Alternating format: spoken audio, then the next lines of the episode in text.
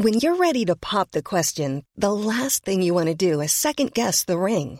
At Bluenile.com, you can design a one of a kind ring with the ease and convenience of shopping online. Choose your diamond and setting. When you find the one, you'll get it delivered right to your door. Go to Bluenile.com and use promo code LISTEN to get $50 off your purchase of $500 or more. That's code LISTEN at Bluenile.com for $50 off your purchase.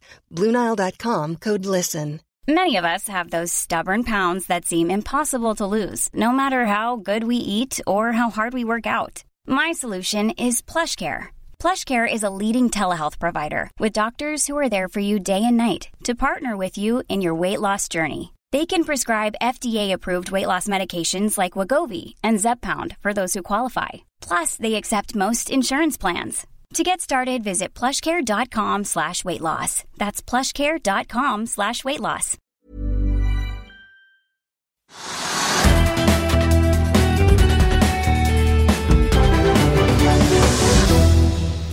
Hei og velkommen til Økonominyhetene. I dag har vi med oss investor Nikolai Grove. Men vi begynner på Oslo Børs, Trygve.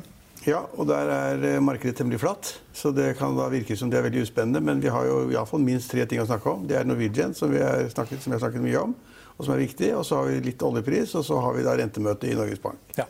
Ja, vi kan Skal vi begynne med Norwegian, kanskje? Ja, ja det, for det, det er jo, jeg syns det er veldig spennende.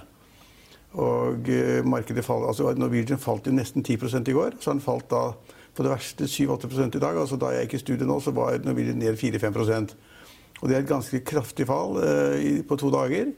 Og det som, da, det som, da, er det spennende, det er disse bjellesauene, eller da milliardærene, som da kjøpte aksjer i emisjonen, og som kjøpte tilsynelatende da tegningsrettigheter fra Kjos-familien til 15 kroner per aksje. Så de kjøpte til, etter det man har grunn til å tro, så kjøpte de aksjer på 48 kroner.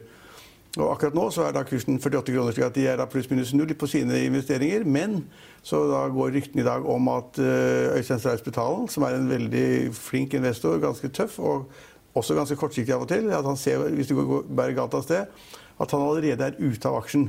Om han da har solgt seg ut på 53 kroner eller 56 kroner, det er litt vanskelig å si, men aksjene har jo vært da opp, opp mot 56 kroner etter emisjonen.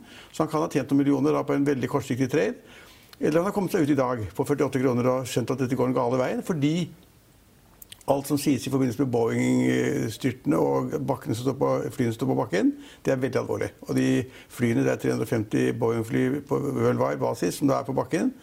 Og Norwegian har 18, hvorav to er leid ut. Eh, og hvis disse Boeing-flyene blir stående i tre måneder eller mer, så er det Ja, det kan knekke Boeing, kanskje. Og det kan bli veldig vanskelig for Norwegian. For Norwegian har jo hele tiden sagt at hvis de får noe tap pga. problemene med Boeing, at flyene går på bakken, så vil Boeing dekke det. Det er jo avhengig av at Boeing har penger til å dekke det, er solvente og kan dekke det. Så det er en stor usikkerhet. Og, og jeg skrev da en leder i Finansavisen forleden jeg skrev at tidenes utur.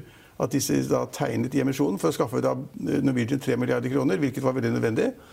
Uh, og så kjøpte de retter fra Kjos-familien, så Kjos kom litt ut av det og fikk penger til å tegne nye aksjer selv.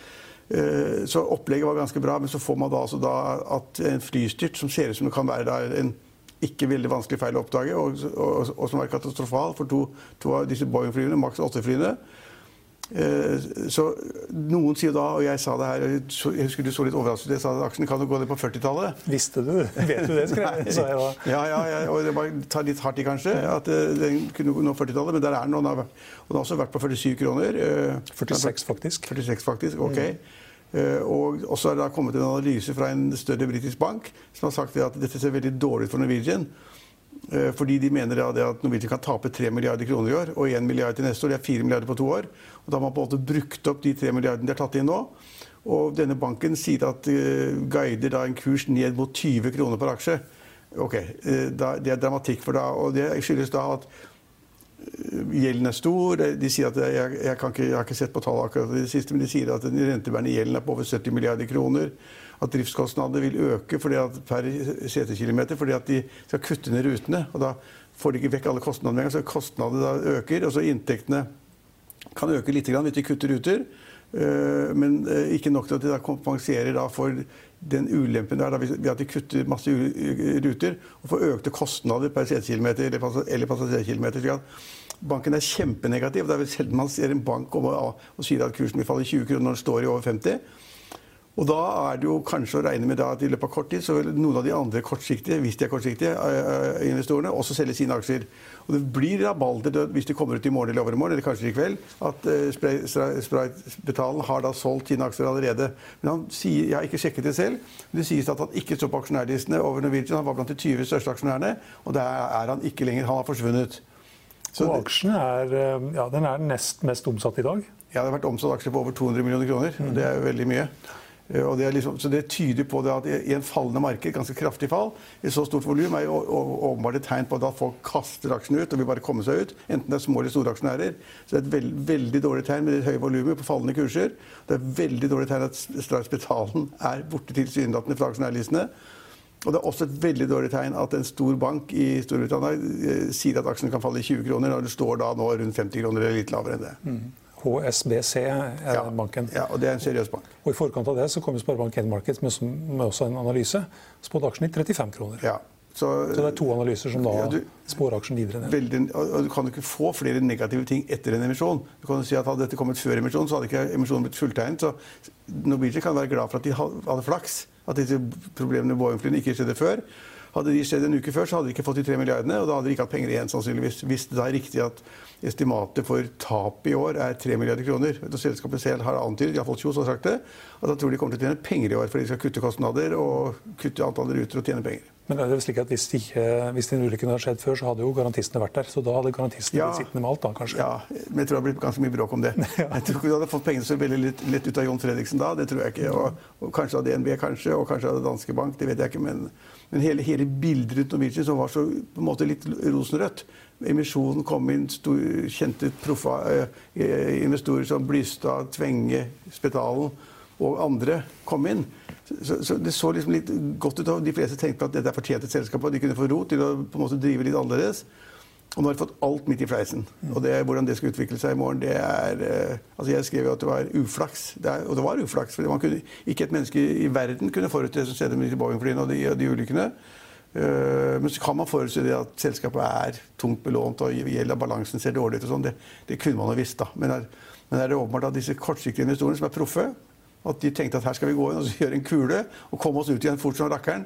Og Grunnen til at de tenkte riktig, var da det at de fikk jo da kjøpt tilsynelatende disse tegningsrettighetene fra Kjos og de andre for 15 kroner per stykk. Den gikk jo til 30 kroner. Mm. Så de, for at Kjos skulle bli kvitt tegningsrettighetene sine, så hadde de gått til en kjemperabatt.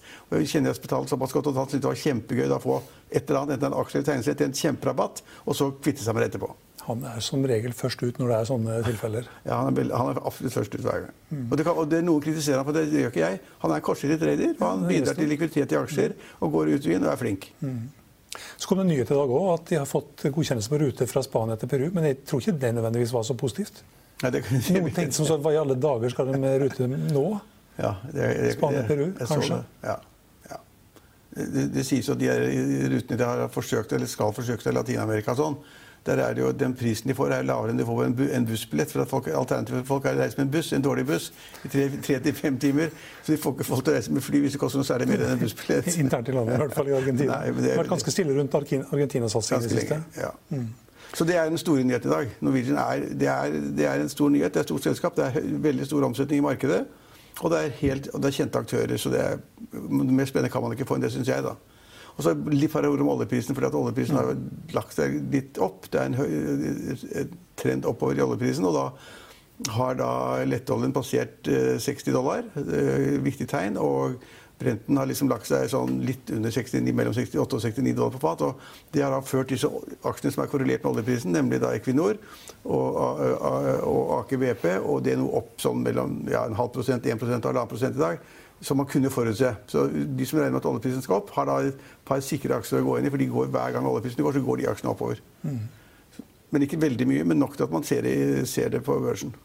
Vi ser også at eh, DNB faller litt i dag. Den faller en prosent, ikke mye. Men eh, Sparebanken Markets de er ute med en oppdatering på aksjen. Og de går fra en kjøpsanbefaling til nøytral anbefaling på aksjen. Det kan bidra til at den aksjen faller. Kan være det, ja. Um, rentedommen, var den overraskende?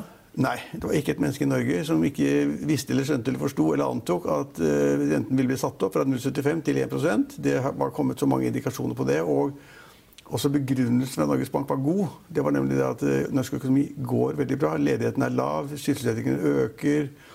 Eh, prisene stiger mer enn målet. Og det er liksom da altså Alt de sa var riktig. At det var nødvendig og riktig nå på en måte korrigere renten opp. Eh, og det hadde man indikert tidligere ved tidligere rentebaner. Men det nye, det nye er det de sier, det at det er viktig nå på kort tid, for norsk økonomi går såpass bra som det gjør, bedre enn i de fleste andre land. Og prisveksten er så høy, og lønnsveksten er også ganske stor. Men i neste fase, hvis de, lager en rentebane over tre år, i den første fasen, så vil jeg renten opp. Og så sier de også, som er ganske viktig, at eh, det blir en gang til. Så hvis ikke alt annet forandrer seg på makroplanet verden over, så får vi en renteøkning en eller annen gang i juni eller september i år. Altså Vi får en renteøkning til, sier Norges Bank. Ganske I løpet av de første seks månedene. Ja, men de sier liksom vi får en renteøkning til. Det er liksom ok. Og så skriver de da en setning at gitt dog at man da ikke ser, ser veldig dramatiske endringer den ene eller andre veien, eller på makrostørrelse, men de sier at vi fikk en renteøkning nå, og vi får en til. Men, sier de, når man ser da treårsperioden som helhet og lager en rentebane der, så vil da på en måte det vil ikke bli så mange renteøkninger siden. For de er nemlig litt bekymret for verden. Og det er det god grunn til. For de som følger med på da, eh, pengepolitikk i andre land, så så at USA beholdt sin rente uendret i går. Og Der ligger rente, sentralbankens rente i et sånn bånd mellom 2,25 og 2,50, hvis jeg ikke husker helt feil. Mm. Og hele USA har nå altså i flere år sagt at det skal bli tre-fire renteøkninger i 2019 og enda flere i 2020. Og så overrasket de alle med å da ikke endre renten i det hele tatt, fordi de ser at det er selv om det går godt i USA også, så ser de at det er svekket vekst internasjonalt. Det er liksom, de må ha høyde for at de må kunne gjøre noe hvis markedene skulle tatt makroøkonomien skulle bli vesentlig dårligere. Så de holdt rentene uendret. Og det, altså, jeg vet ikke hvor mange analyser jeg har lest, altså 12 000, på at rentene skulle gå opp i USA i 2019 og 2020. Ja. Uh, og det, det bomma alle på. Og, uh, og, når, man får den, og, US, og, I Storbritannia har også rentemøte i dag, og de har beholdt renten sin på 0,75. Så liksom verden holder pusten litt. Veksten er litt lavere. Disse handelskrigene mellom USA og Kina. Det ser litt skummelt ut. Og så kommer da Norge som det landet som veksten blir justert opp fra 2,3 til 2,7 eller sånn eh, prosent. Eh, BNP-vekst, ja. ja. Mm. Og, og, og, da, så Norges Bank har grunn til å liksom tenke at okay, vi er de eneste som setter opp renten nå, liksom, og Norge er kanskje et særtilfelle, men de må ha litt å gå på. Så de sier rett ut at det blir ikke de samme antall renteøkninger i 2020 eller 2021 som man kanskje har trodd tidligere. Til og med Jan Ludvig Andreassen hadde gitt opp uh, før det rentemøtet her. Ja. Han også trodde at det ble heving uh, i dag. Ja, Men så var det, skal han ikke ha noe mer heller. Det var det Nei, siste. Da er det slutt. da er det helt slutt. Ja. Så, så, så, så, det var et rentemøte som var som forventet. Og så var det litt nytt at de da sa det at det, men det blir ikke noe i 2020 og 2021. Men så har du den kombinasjonen av at USA holdt renten uendra og senka rentebanen. Ingen rentehevinger i 2019, mot tidligere kanskje venta 2-3. Også da en eh, heving i Norge som for så vidt var venta, men den norske krona styrka seg kraftig. Ja, og det, det syns jeg er også rimelig opplagt. Altså, de som trodde at renten skulle opp nå, de hadde grunn til å tro at det ville kunne, og, og, og forutså, da, men det er jo ikke alt vi gjør det, at eh, renten ville bli holdt uendret i en rekke andre store land så måtte man regne med at Norge da på en måte fremstår som det landet hvor pengene kan flyte til, eller likviditet kan søke til, hvis renten er høyere her enn i andre land og blir enda høyere i realitet i forhold til andre. Altså, da pleier jo kronekursen å styrke seg, og det har den gjort med rundt 1% i dag. Så jeg har sett 9,60 for euroen og 8,40 for dollaren.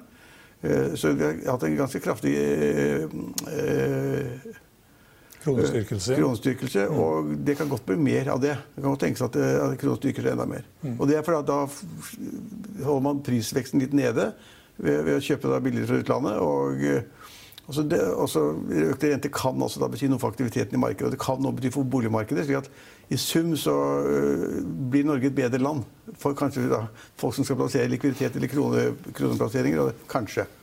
Kanskje. Men det, jeg syns det er etter boka, det jeg har sett i dag. Eh, ja, det går bra. Det går bra på børsen òg. Oslo Børs er opp 11 hittil i år. Ja, men 0,0 i dag, da. Mm. Ja. Men 11 ja, det, er, det er imponerende. Hvis man har penger, så er det veldig fint å være på Oslo Børs. På all time high-listen vår så har vi en aksje. Det er Nell, hydrogenselskapet. Og på all time low så har vi Tinfilm Electronics. Det var vel um, hovedtrekkene. Ja. Etter vinner- og taperlisten har vi med oss eh, investor Nikolai Grove, som har eh, kjøpt mange aksjer i rekker i siste. Vi tar med oss oljeprisen, som er ned 0,5 til 68,31 dollar Omsetningen på Oslo Børs den begynner å nærme seg 2,5 milliarder kroner.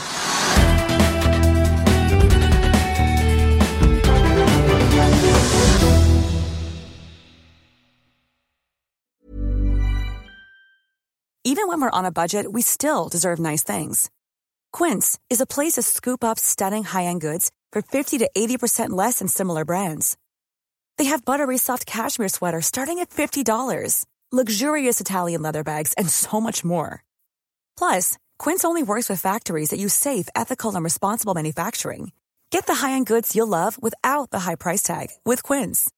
Go to quince.com/style for free shipping and 365-day returns. Treat mom to healthy, glowing skin with Osea's limited edition skincare sets. Osea has been making clean, seaweed infused products for nearly 30 years. Their Golden Glow body set includes three clinically proven bestsellers for smooth, glowing skin, while the Glow and Go facial set provides spa level results at home. Both sets come in giftable boxes with savings up to $48 and free shipping for a limited time. For 10% off your first order site wide, go to OSEAMalibu.com and use code MOM.